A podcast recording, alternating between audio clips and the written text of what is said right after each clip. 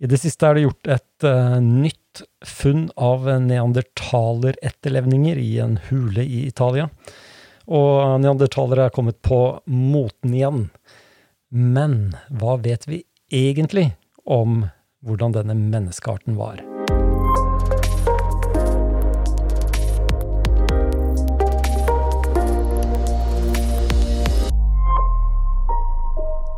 Velkommen til Vold, sex og gener. Jeg heter Jens Andreas Huseby og er atferdsbiolog. Med meg har jeg Kyrre Vatne, master i evolusjonspsykologi. Håvard Hegdal, arkeolog. Yes, og i dag skal vi snakke om neandertalere. Eh, det er gjort et nytt funn i Guatari-grotten, hvor man har funnet syv hanner, én hund og én ung hann. Omtrent riktig. Eh, og av da arten neandertalere. Det er en myteomspunnet art, eh, som vi alle har vel hørt at de var ganske avanserte og begravde sine døde og slang blomster på graven. Men Håvard, du er jo arkeolog, skrev hovedfag om neandertalere, og mener at uh, dette kanskje ikke er helt riktig bilde av hvordan neandertalerne faktisk var. Kan ikke du fortelle oss litt om historien til neandertalerforskningen og som kanskje det starta det i den samme grotten som man nå har gjort det nye funn i? Ja, altså, ja for dette er jo litt, eh, det er litt gøy, fordi dette er jo ikke første gang det kommer sensasjonelle funn fra Grotta Guattari i, i Italia.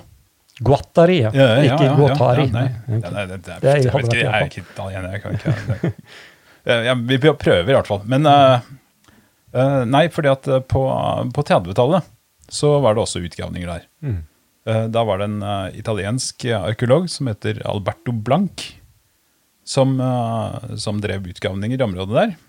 Og ble kontaktet av en, av en lokale jordeier der. For jeg mener de hadde et vertshus der, eller noe sånt. Der, så jeg holdt på med noe greier. og hadde noen arbeidere som gravde, og de hadde da avdekket en, en, åpnet opp en hule som tidligere hadde vært helt sperret. da.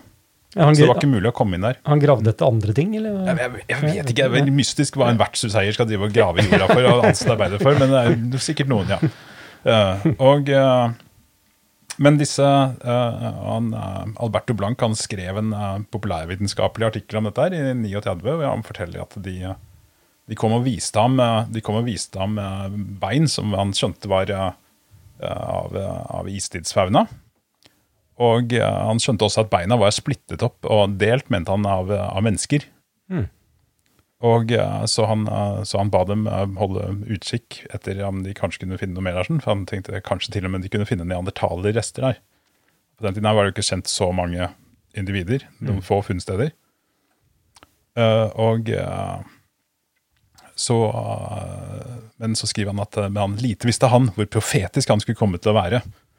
Uh, fordi uh, lo and behold, de fant da en neandertalerskalle inni hulen. Ja. Så, men på det tidspunktet så var neandertalere kjent og beskrevet fra Neanderdalen, da? Ja, ja, ja. men ja, altså flere andre funnsteder. Særlig i Frankrike var det jo på begynnelsen av 1900-tallet fant man noen helt fantastiske rester. rester.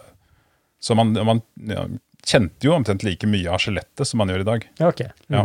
Og så bare sånn for å ta for folk som kanskje ikke er så godt opplest på tidlige menneskeaktige eh, arter, så levde neandertalerne da i Europa og ja, ja. Mm. sånn. Eh, og da snakker vi hvor mange tusen år siden? Nei, der de strides, de leide litt, da. Men, eh, men man regner med at de døde ut for ca. 30 000 år siden. Det er jo ingenting. Ja, nei, det er jo ikke lenge siden det. Sammen med en hel haug med andre arter. Ullhårede neshorn f.eks. og mye andre ting som, som, døde ut samtidig. Og samtidig som Homo sapiens kom inn i Europa, da, mer eller mindre. Mm. Litt i rykk og napp. Mm. Og uh, de tidligste de tidligste funnene av noe som ser ut som det er i hvert fall protoneandertalere, det er uh, 430, nesten 500 000 år siden. Nettopp. Ja. Hvor er de hvor, de, kom, hvor fant man de hen? Nei, de, det er Jeg vet ikke hva som er det aller tidligste nå. For at de, tidlige, de tidlige funnene er vel stort sett ganske sånn spredte småfragmenter, bortsett fra ett fantastisk funn i Spania. Uh, en hule som er blitt kalt for Sima de los Suezos, som betyr vel beinhulle eller noe sånt. Uh, hvor det er en inni et grottekompleks i Atapuerca i Italia, hvor det er la noen jernbanelinjer som skar seg gjennom fjellet. Fant masse huler. Og inni en av disse hulene så er det da en 15 meter loddrett sjakt. Og i bunnen av den sjakta her sånn, så er det tjukt av knokler eh, av hulebjørner, eh, et par andre rovdyr også, og uh, oppi 30 individer av eh, tidlige neandertalere. Shit. Eller ja, Homo heidelbergensis, da, som man egentlig burde kalle dem på det tidspunktet. der. Så der har man plutselig en, eh, en vanvittig samling. da, som, uh, og Dette er noe av det eldste, det er hvert fall det siste dateringen jeg hørte. Det var en del kontrovers, selvfølgelig. Men siste dateringen jeg hørte, var ca. 430 000 år siden. Så neandertalerne er altså den arten som lever i Europa, da, eksklusivt i Europa, og uh, litt grann ned i Midtøsten, liksom, men europeisk art i en halv million år. Før det moderne mennesket. Før det moderne mennesket kommer inn. Ja, før det menneske, moderne mennesket finnes, Ja, også. ja, ja egentlig. Mm, ja, absolutt. For da går vi med typisk sånn 200 000 år tilbake i tid, Ja, gjør vi ikke det? Ja. Mm. Så, så den store historien her er at uh, altså, mennesket oppstår i Afrika, har noen utvandringer derfra uh, og beveger seg litt utover i verden. Noen av de havner da i Europa uh, og Mm. blir neandertalere. Så har du noen andre arter som går til, inn i Asia, eller blir til nye arter mens de er i Mm. Asia. Eh, og først senere kommer moderne menneske eh, sin utvandring fra Afrika Ja. og, og Mm. møter da disse menneskeartene eh, Ja, ikke sant. Ja. som allerede har etablert seg der. Og da er det jo et ganske et, et litt sånn pirrende spørsmål er jo da hvor like var de oss? Ja. Altså hvor like var de Homo sapiens? Og hvis vi da går tilbake til grotta Quatari Ja. mm. ja, og, og Alberto Blanc, som eh, beskrev denne historien her sånn, så, eh, så han beskriver da i den eh, populærvitenskapelige artikkelen mm. at eh, hvordan de fant veien inn. Man må kravle da, åtte meter inn gjennom huleåpningen for å komme seg inn der. Og de kommer inn i et merkelig kammer hvor det er fullt av eh, eh, det er fuktig der inne, og det danner seg en slags sånn perleaktige konkresjoner på alt der sånn, som ser ut som sånne små nupper. Sånn, det ser ut som det er, alt er dekket av, av små steinperler. Og, eh, og det som var dekket av steinperler, var da annet uh, gevirer og eh, helt opplagt rester av, eh, av istidsfaunaen. da. Så bare sånn, hvis det er litt tips til dere der hjemme, ordet konkresjoner Ja, ja, ja, kan dere bare kaste inn i dagligtalen. Så det er en slags forperling. Veldig nyttig. Jeg slo det opp i forbindelse med at jeg snakket med Håvard en annen gang. Så.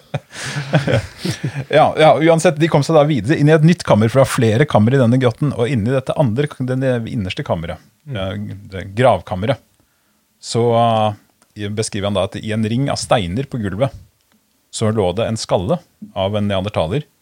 Med, eh, den, lå på, den lå opp ned, med, liksom med, med ryggmargsåpningen opp. Og der hvor ryggmargsåpningen var, så var det gjort et stort hull i skallen. Og eh, eh, det er blankt tolket dette som, eh, det var da at den skallen var, den var Dette var et rituale. Det var rester av et rituale.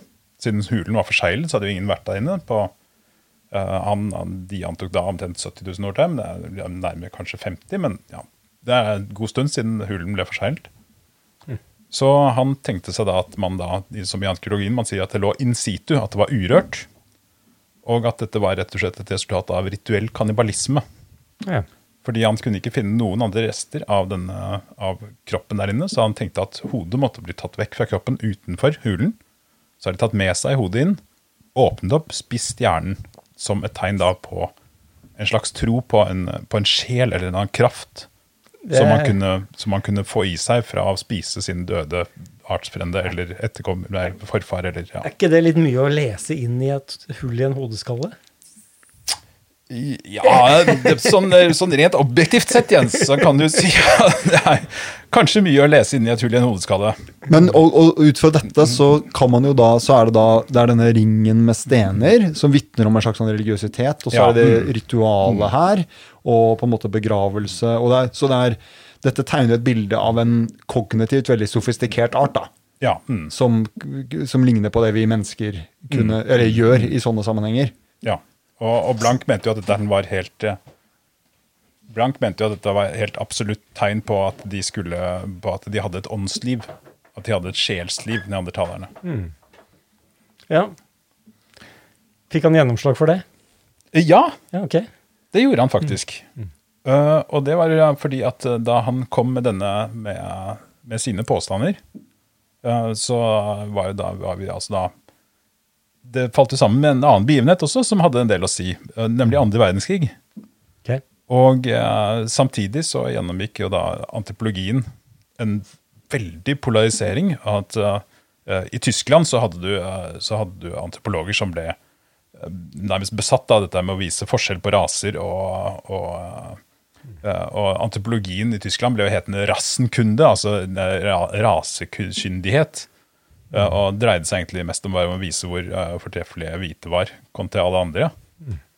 Mens eh, det skjedde da en tilsvarende motreaksjon i antropologien i f.eks. USA. Ja. For hvordan hadde de tenkt Hvordan var neandertalerne beskrevet før eh, Blank fant denne åpnede hodeskallen? Nei, nei, tidligere enn det så tenkte man jo på neandertalerne som noen ganske elendige greier, egentlig. Fordi- Det er den klassiske ja, det huleboerbildet. klassiske huleboerbildet. Ja, bare uh, tafatte og, og stinkende. Man så for seg at, liksom, at uh, hundene ville bjeffe etter dem, og, og de var uh, eh, det, Primitive de var, de var, de var sterke, men, men primitive og elendige. Og man, så, man ja, fant jo tydelige tegn på at eh, kroppsholdningen var en helt annerledes hos neandertalere enn mennesker. Og det tolker man da rett og slett som at de ikke hadde kommet seg langt nok. De hadde liksom ikke reist seg opp fra apestadiet, sånn som vi har gjort. Ja, for dette var vel fortsatt den tiden hvor man tenkte at evolusjon har en retning, og alt blir bedre og bedre og Ja, mer og mer Ja, ja, de var rett og slett sånn. bare ikke kommet så langt som oss. ikke sant? De var ikke, de var ikke bare ikke Ja, de, vi, vi nådde lenger. Så den klassiske tegningen hvor man ser ulike stadier i menneskeevolusjon, så er bare neandertalerne et, et par skritt bak oss. Ja, ja. Mm. Men bortsett fra at de også da, eh, på, basert på de samme skjelettdekkene, så var man også da helt klare på at neandertaleren var en sidegren. Fordi man fant ikke bare primitive trekk hos dem, men man fant også en trekk som man ikke finner hos mennesker. Som var mer avanserte, da, i gåseøynene. Ja. Ja, nemlig. Ja, fordi Mm. det er ikke sånn at vi er etterkommerne etter Nei, neandertalerne, men det nei, var nei, en sidegren som, eh, som Og det skjønte man allerede. Ja, ja, ja, det skjønte man tidlig, fordi at man analyserte skjelettene. og Man fant ut at ok, har du noen ting som er felles for mennesker og neandertalere, og så har du noen ting som neandertalerne har, som ikke vi har, og som er utviklet spesielt hos neandertalerne. Og da er trekk også hos mennesker, selvfølgelig. Masse trekk hos mennesker som ikke neandertalerne har. Så ergo de måtte være en utdødd sidegen. Det mener QID, vel ja, det er helt, det er helt evolusjonær, b- basic evolusjonær logikk og helt moderne argument.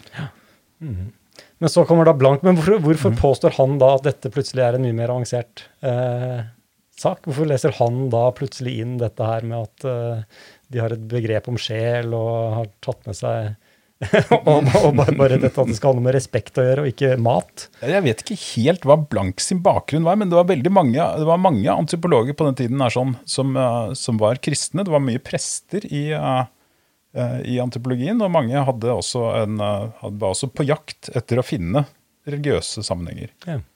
Og, og Alberto Blanc hadde jo jobbet sammen med Abbed Broil, Abbed Henry Broil, som var liksom en pilar i fransk paleoantropologi på den tiden der. Så, så i hvert fall, Jeg vet ikke om han var personlig kristen, men han var i hvert fall eh, med i den samme med, Delte noe av det samme tan tankegodset der. da. At man lette etter på en måte en slags åpenbaringens uh, forhistorie. da. Ja, åndelighet. Mm. eh, Ånd, hvordan, hvordan manifesterer Gud seg i paleoantropologien, rett og slett. yes. Så dette er den, ja, men, men tingen er at dette, dette ja, Den skulle jo tro at dette her bare ville falt som en stein, da, egentlig. Han sa jo også i samme uh, at uh, i, undersøkelsen var det også klart at denne hulen her hadde blitt eh, periodisk fylt med vann. Den fyltes med vann en gang i året. Og hvis du tenker at det skjer 70 000 ganger, Så kan, er, finner man jo ikke det så burde man Så er det litt vanskelig å Da er det ikke så veldig in situ. Nei. Og det var jo også fra bildene som ble publisert etter hvert, tegningene, så var det også helt klart at steinsirkelen som, eh, som Blank pratet om, ikke var laget intensjonelt. For den besto av småstein og store steiner, og det var stein overalt. Ok, Så det var en sirkel han hadde sett? Da, Det var en sirkel han hadde sett. Ja. Det var den, de var de steinene som skallen tilfeldigvis lå blant. Så, det, så dette er på en måte et, um, en historiefortelling som er ganske salgbar. da. At, uh, at dette er uh, dette er mer sofistikerte vesener enn vi har trodd. Og, og, så, og, og, så dette representerer et brudd med på en måte en litt sånn tradisjonelle huleboerbilde. Um, og, uh, og, men, og, på en måte evidensen er ganske svak, men han klarer likevel å, å selge det. Ja, ja, for det, dette traff i tida, da. Dette mm. traff i tida, Så han fikk jo ikke denne kritikken som han kanskje burde ha fått. Mm. Uh, uh, sånn, altså det, er, det er ingenting i, i, uh, i resonnementet hans egentlig som som henger på greip. Nei, nei, det, det, er, det, er ikke noe logisk nei. sammenheng mellom Det er ikke noen nødvendig tvingende logikk fra det ene, ene argumentet til det andre. Nei, og, og antropologisk, altså sånn, når, vi, sånn, når, du går på å se på hva han, hva han henførte som bevis der, da, så sammenlignet han jo denne skallen med, med uh, hodeskaller som var satt på stake i Polynesia. Uh, for liksom ha noe slags sammenligningsgrunnlag for hvordan det ville se ut hvis man åpnet hodet og, og spiste ut innmaten. Hvor, de, hvor, de, hvor, mennesker er, eller har vært kannibaler. Ja, ja, ja men, men, men, de skallene han sammenlignet med, de, for det første så, så de jo helt annerledes ut. Og for det andre så var de jo ikke kannibalisert heller. De var satt på stake.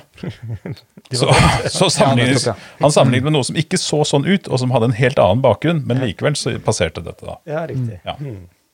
Men det er jo ikke nytt, altså det bildet av uh, neandertalere som litt menneskelige og, og hva si, uh, åndelige ja. det, det, rimer jo veldig godt med det man blir fortalt fortsatt. Det er vel ikke mange år siden det har vært noen utstilling med, hvor de hadde litt nordisk utseende og med fine klær og så veldig moderne ut. de, de, visualiseres jo veldig ofte veldig menneskeaktige og veldig sånn sjelfulle. Ja, mm, mm. Ur, urmenneskene. Ja, jeg syns jo dette er litt eh, interessant, fordi de har jo også da også før krigen, liksom i rasistperioden, ble de også visualisert veldig menneskelige. Bare som undermennesker, da, og helt klart veldig foraktelige mennesker. Mm. Mens, Førmennesker. Ja, ja mens, mens, etter, eh, etter krigen, da, etter, etter bl.a. Blanke og andre, mm. så begynte man jo å tolke dem inn som våre direkte forfedre, på tross av evidensen. Og uh, uh, Men man hadde jo ikke så mye mer å bringe til bordet. Mm. Sånn omtolkningsmessig. Så det var mest det at man, man fortsatte å fremstille dem som mennesker på samme måte som man hadde gjort før krigen. Men man bare begynte å tillegge dem helt nye verdier. da.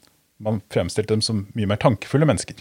Ja. Mye mer åndfulle. Og dette her sammenfaller vel med en bevegelse i altså en retning innenfor antropologien og, og, og lignende fag, da, som vi, vi, biologer ofte brynes mot. En, en sånn tro på at uh, at uh, altså villmannen og naturtilstanden er veldig god. Ja, at du har den derre mm.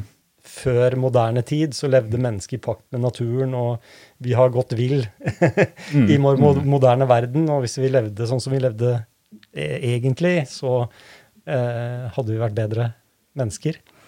Så den ideen om noble villmann, er det, er det samme tiden som, som uh, denne neandertaleren. Ja, ja, ja. Mm. Så det er den samme ideen om å, å dresse opp da denne neandertaleren som uh, the noble savage. Ja, ja. Mm. Men har man i, i jeg, jeg, har jo jeg har fått med meg at man eh, At um, tidligere så trodde man at uh, at uh, hjernevolumet til neandertalerne var uh, mye mindre. og så, Så vidt jeg har forstått, så har det liksom blitt revidert opp etter hvert.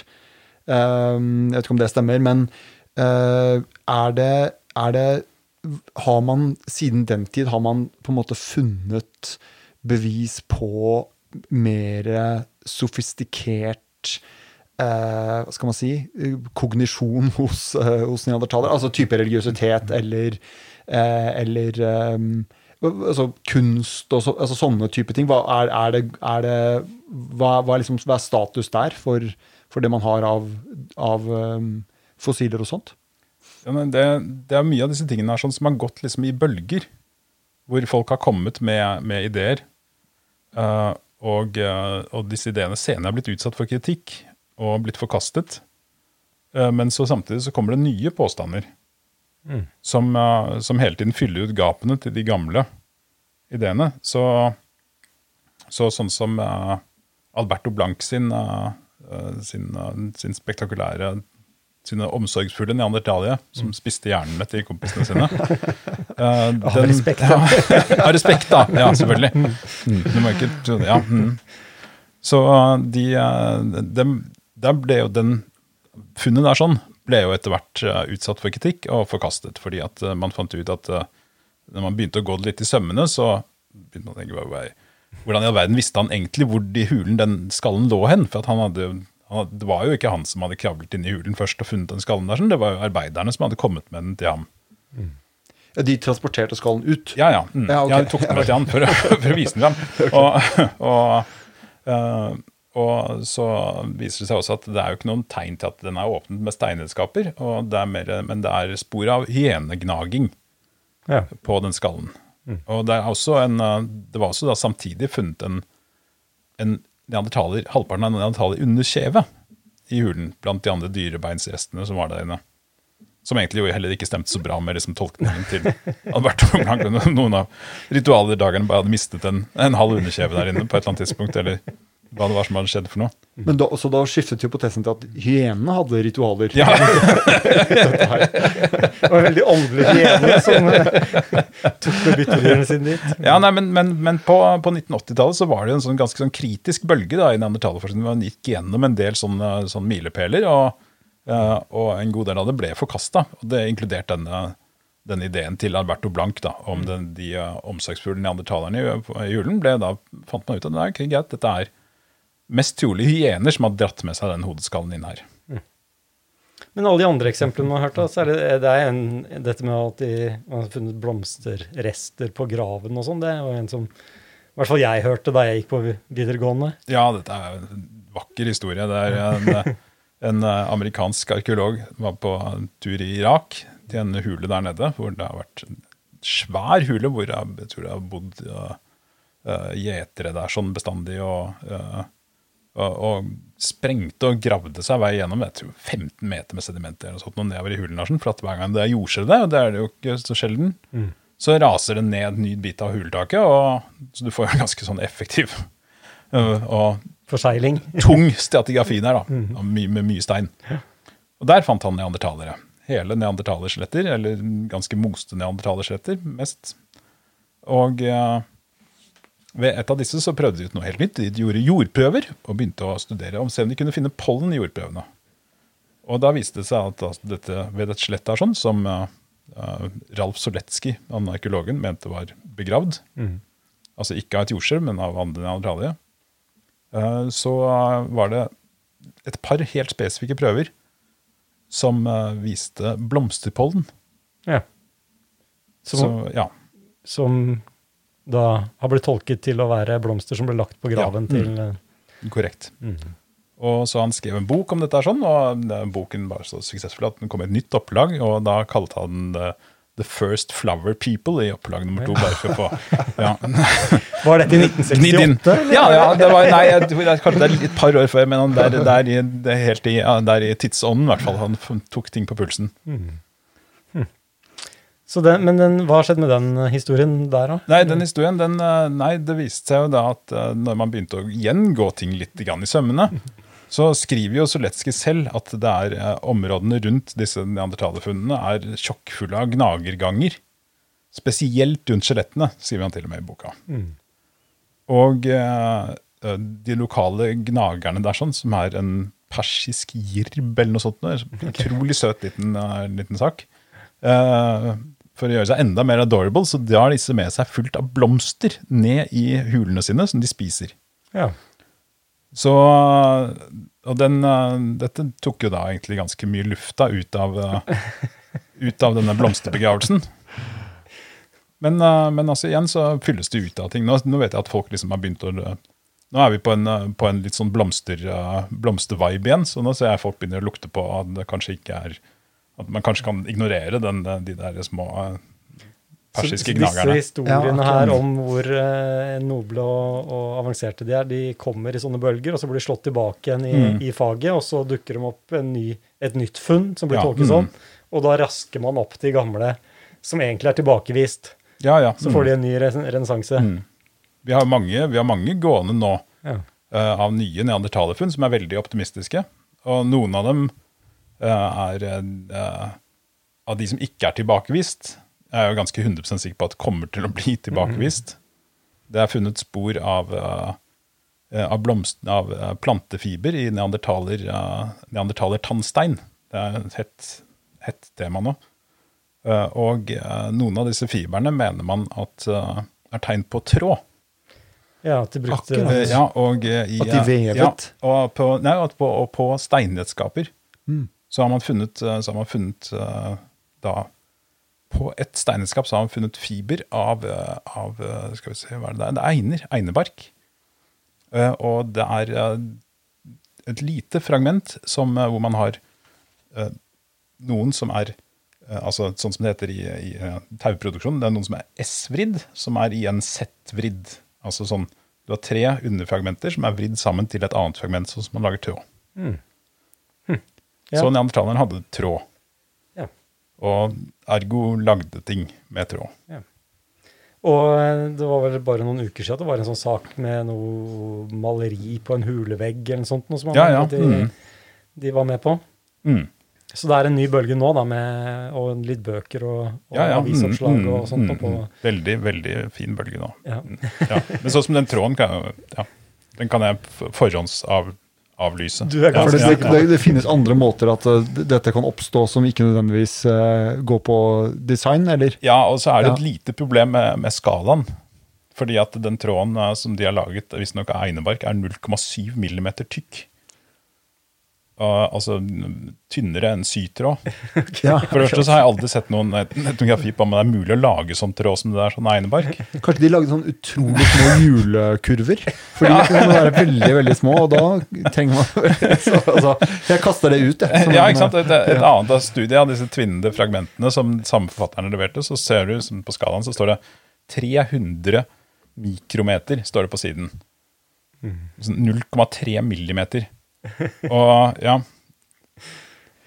Men, men hva, bare sånn for å liksom, sette en liten sånn baseline De, de, hadde, de brukte steinredskaper. Gjorde de det? Ja. Altså, Mm. De hadde steinøkser, litt sånn mm. type ganske enkle steinøkser Ja. i Mm. sånn menneskesammenheng. Og så hadde, men også hadde de noe sånne De kledde seg med litt sånn pelser, var det det? At de hadde litt sånne eh, Ikke så sofistikerte klær, men litt sånn dyre um, altså, eh, pelser type? Ja men du har, jo ikke, du har jo ikke noen direkte evidens for pelser, da. Nei, ok. For at eh, du har jo ikke noen eh, Det finnes jo ikke noen beinredskaper. Og dette er også et lite hull i den der trådteorien, da, for det finnes jo ikke nåler selvfølgelig, eller noe sånt. Noe der den. Eh, det nærmeste du kommer beinredskaper i neandertalersammenheng, det er noen elefantribbein eh, som er funnet i, i Tyskland, og som er blanke i enden.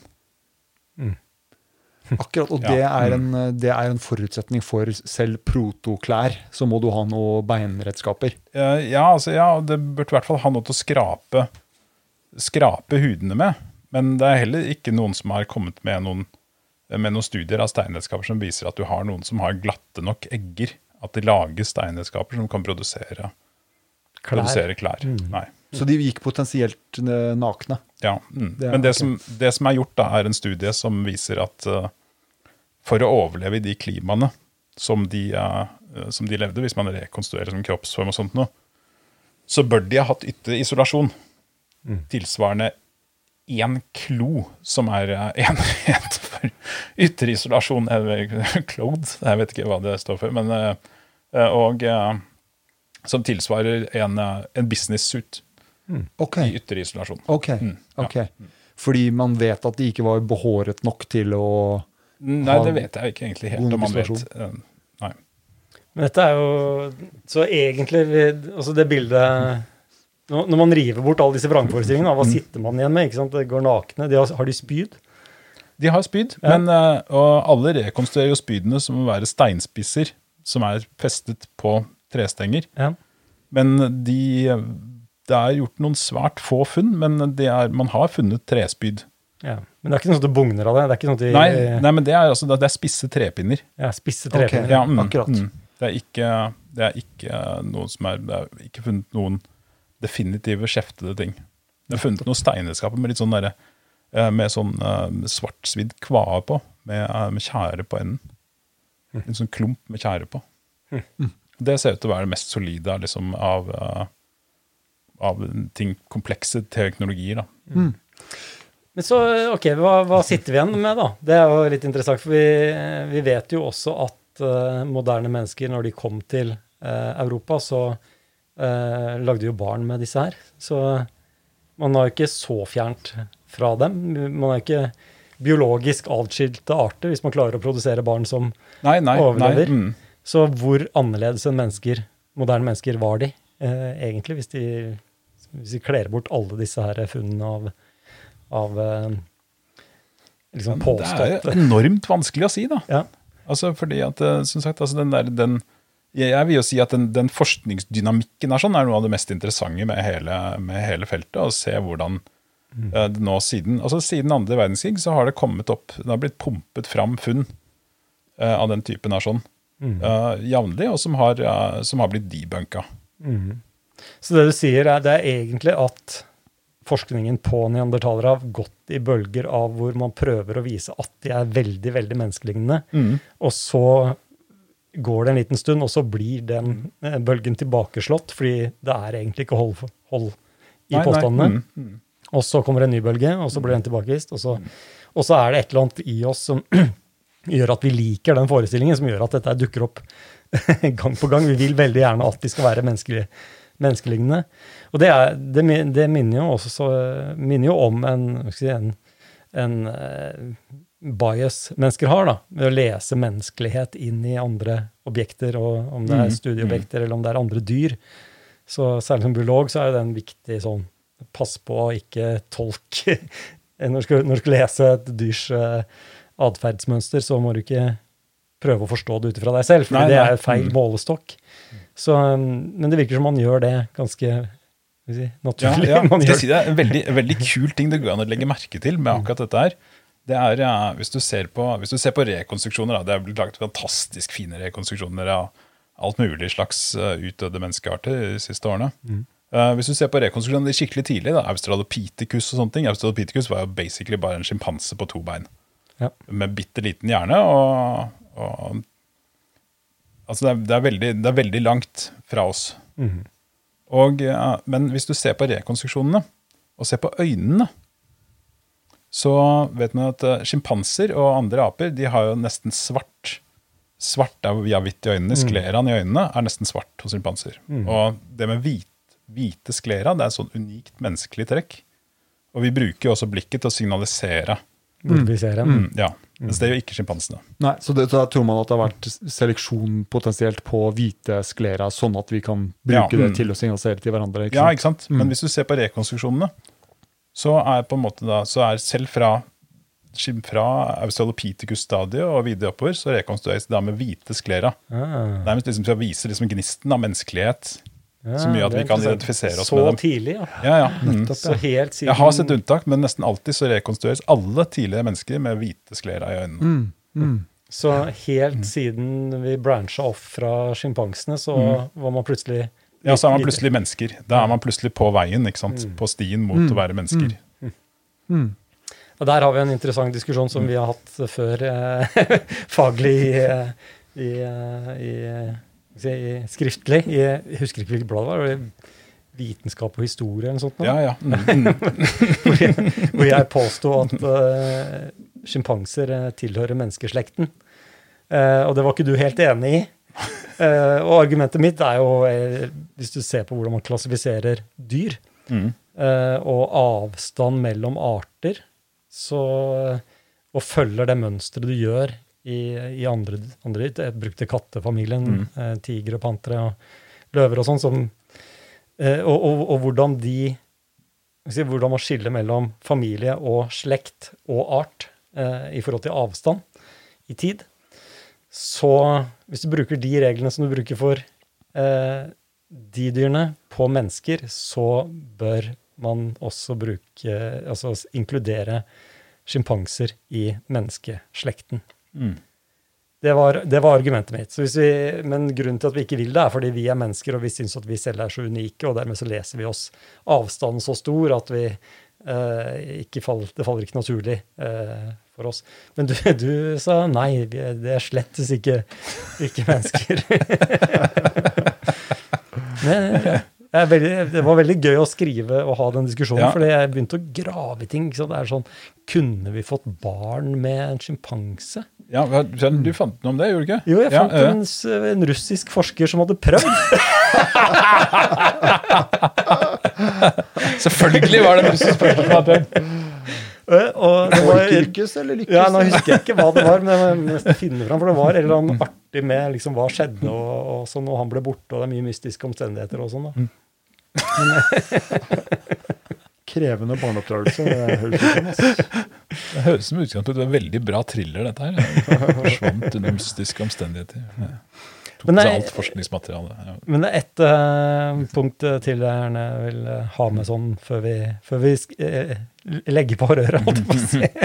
For du har, jeg har jo sett veldig mye av hva du har skrevet, og, og, og ikke minst tegna av uh, neandertalere. Og du tegner jo opp et helt annet bilde av neandertalere enn en det si, folk flest har.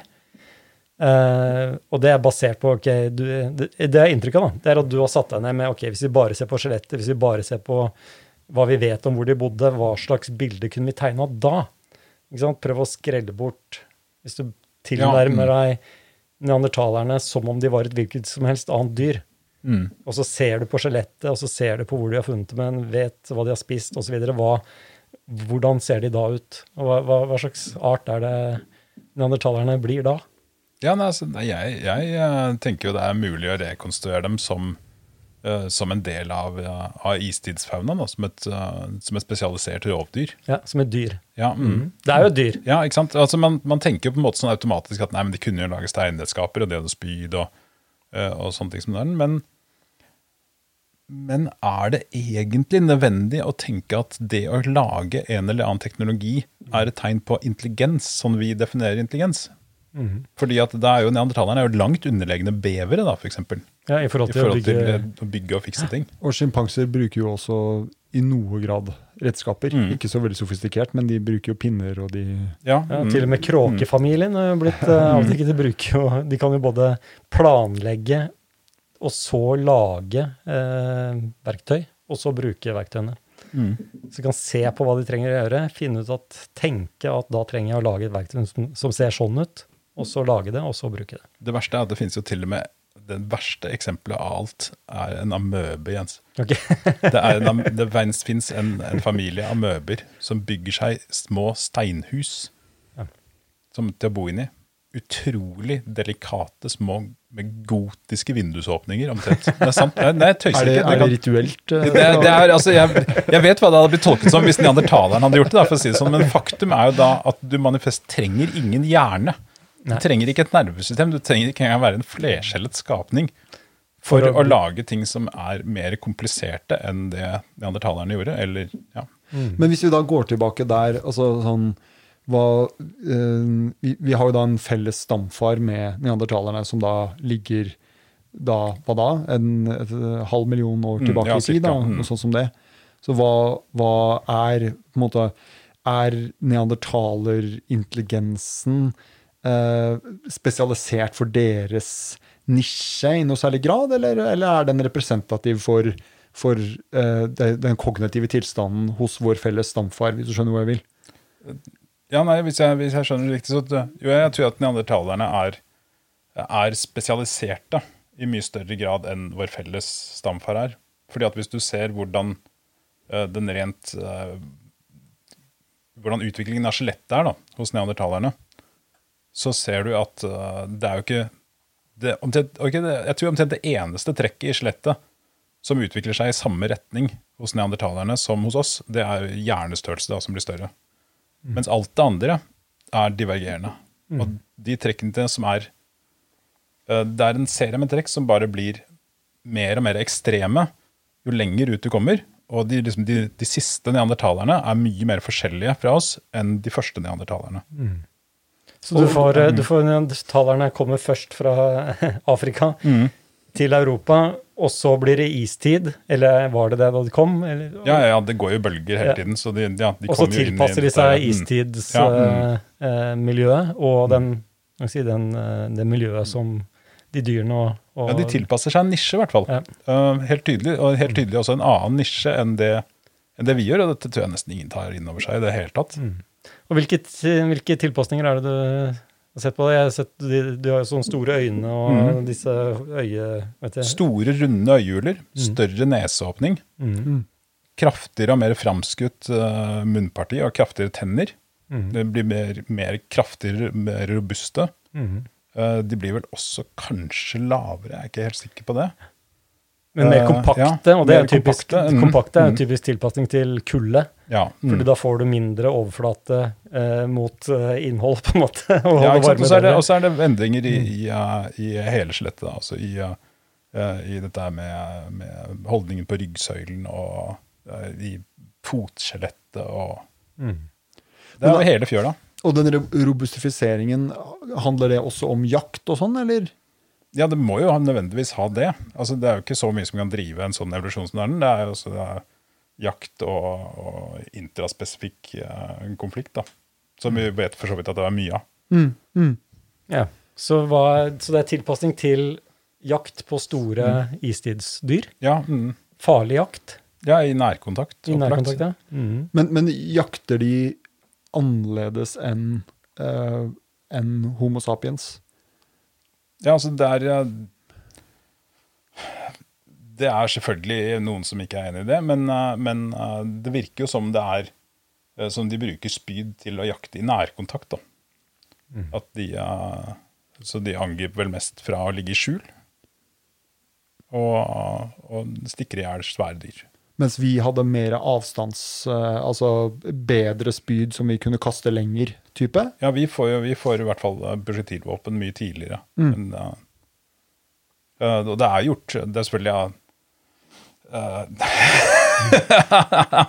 eh, Disse spydene som ble funnet, neandertalerspydene som ble funnet, det er særlig ett stort funn da, i Tyskland. I et sånt eh, brunkullsbrudd hvor de har en sånn 150 meter høy monstergravemaskin som går og flerrer opp bakken for dem. Eh, og der var det bevart en haug med spyd. Mm. og de tyske arkeologene satte jo da i gang med å plukke ut det aller beste av dem og få en kreismester i, uh, i spydkast. Til å kaste noen, kaste noen replikaer av det der sånn på en blokk, og fant ut at nei, de kunne ha rekkevidde på 20 meter. Ja, shit. Men, uh, Så de har brukt spyd til å stikke? Gå ja, bort til dyr og stikke? ja, men tingen er jo at de største spydene fra det, der, fra det samme funnet er jo krokete som s-er og er jo helt opplagt ikke prosjektilvåpen. Mm, akkurat. Så da snakker du om cherrypicking ved å få det til å bli noe prosjektil ut av det. akkurat. Men til å stikke hull på store ting, absolutt, ja. Løpe Mm. bort til en mammut Ja. og punktere lungen? Ja. Mm. Hva, hva, med, hva med sånn som eh, hulemalerier, den typen greier? Ja, der står vi altså på uh, For øyeblikket så er det da publisert studier med dateringer av, eh, av sedimenter som dekker over noen hulemalerier, som visstnok er over 66 000 år eller noe sånt noe. Som altså da er så gamle så bare neandertalerne kan ha laget de hulemaleriene.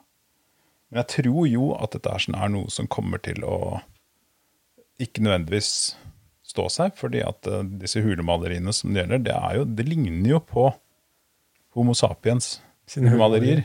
Og man har ikke funnet tilsvarende de andre Nei, nei. Så dette er jo da også omtrent Det er jo ikke så fjernt langt i tid fra når Homo sapiens kommer inn i Europa heller. Så jeg syns jo at man burde være ganske pottesikker. Så da, Eh. da vil spørsmålet være litt date kvaliteten på dateringen osv.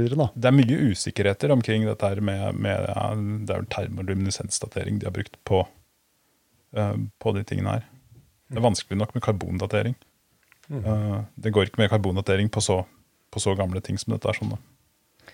Jeg har lyst til å øh, prøve å få deg til å si noen ting jeg vet du egentlig har lyst til å si, men kanskje er å trekke det litt langt. Da. Men jeg har sett noen tegn. Altså hvis du prøver å tenke deg ok, Hvis du skulle framstilt neandertalere som et dyr folk ikke kjenner igjen, eh, så eh, hvor, hvorfor har de store øyne, hvorfor har de lang nese, hvorfor, hva slags dyr er det? Er det, er det nattlevende? Ja, altså, ja, nei, nei, eh, jeg har bestilt en bok, Jens. Jeg kjøpte en veldig dyr bok. Okay. En bok fra, fra 1800-tallet. Ja. Uh, fordi jeg plutselig kom over et lite bilde av en neandertaler skallekalott som jeg aldri har hørt om noen gang, fra et sted i Frankrike som heter Crécy. Eh, jeg aner ikke hva som har skjedd med den. Jeg har ikke kommet så langt til å gjøre noe research på det ennå. Men eh, tingen er at denne skallekalotten den hadde bevart et del av neandertalerskjelettet som faktisk ikke kjennes i dag heller. Uh, nemlig nesebeinet. Ah. Og på den skallekalotten fra KSI så stikker nesebeinet rett framover. 90 grader ut fra panna. Så det er ikke nese, mer enn snute? Ja, du ser, På QSI-skallen så ser det faktisk ut som en snute. Jeg skal grave mer i dette. greiene her. Ah, shit. Det er veldig, veldig interessant. Fordi at det, det er sånn der, ikke sant? Når du ser folk dekonstruere neandertalere, så bruker man jo sånn eh, forensic science-modeller fra europeere, basically. Man tar liksom de samme målene, og så setter man det på. Men eh, når man skal rekonstruere neser, så setter man inn noen pinner og greier og får liksom en sånn samtjentlig sånn stor nesestørrelse når man skal liksom rekonstruere farseletter. Og, eh, men hvis man gjør det på neandertalere, så får man jo en sånn der rottenese langt pokker i vold ute i ingen steder, så da må man bare omforme det litt. Ja. Så, men det, sier du at all, alle, ne, alle tegninger og alle altså modeller av neandertalere, så er nesa bare vill gjetting?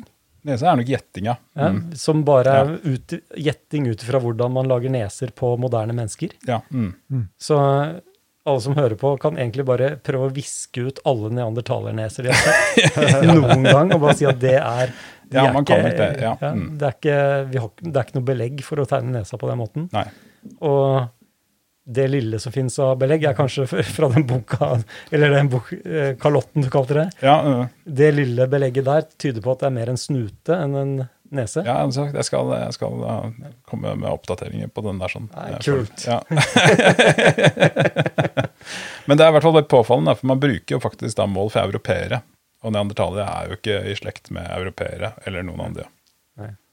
De var europeere, men de er ikke Ja, mm, europeere nei, sånn som vi mm. forstår det nå. ikke EU-borgere. nei. Greit. Jeg tror vi slutter av der, jeg. Takk for Ja. praten. Mm.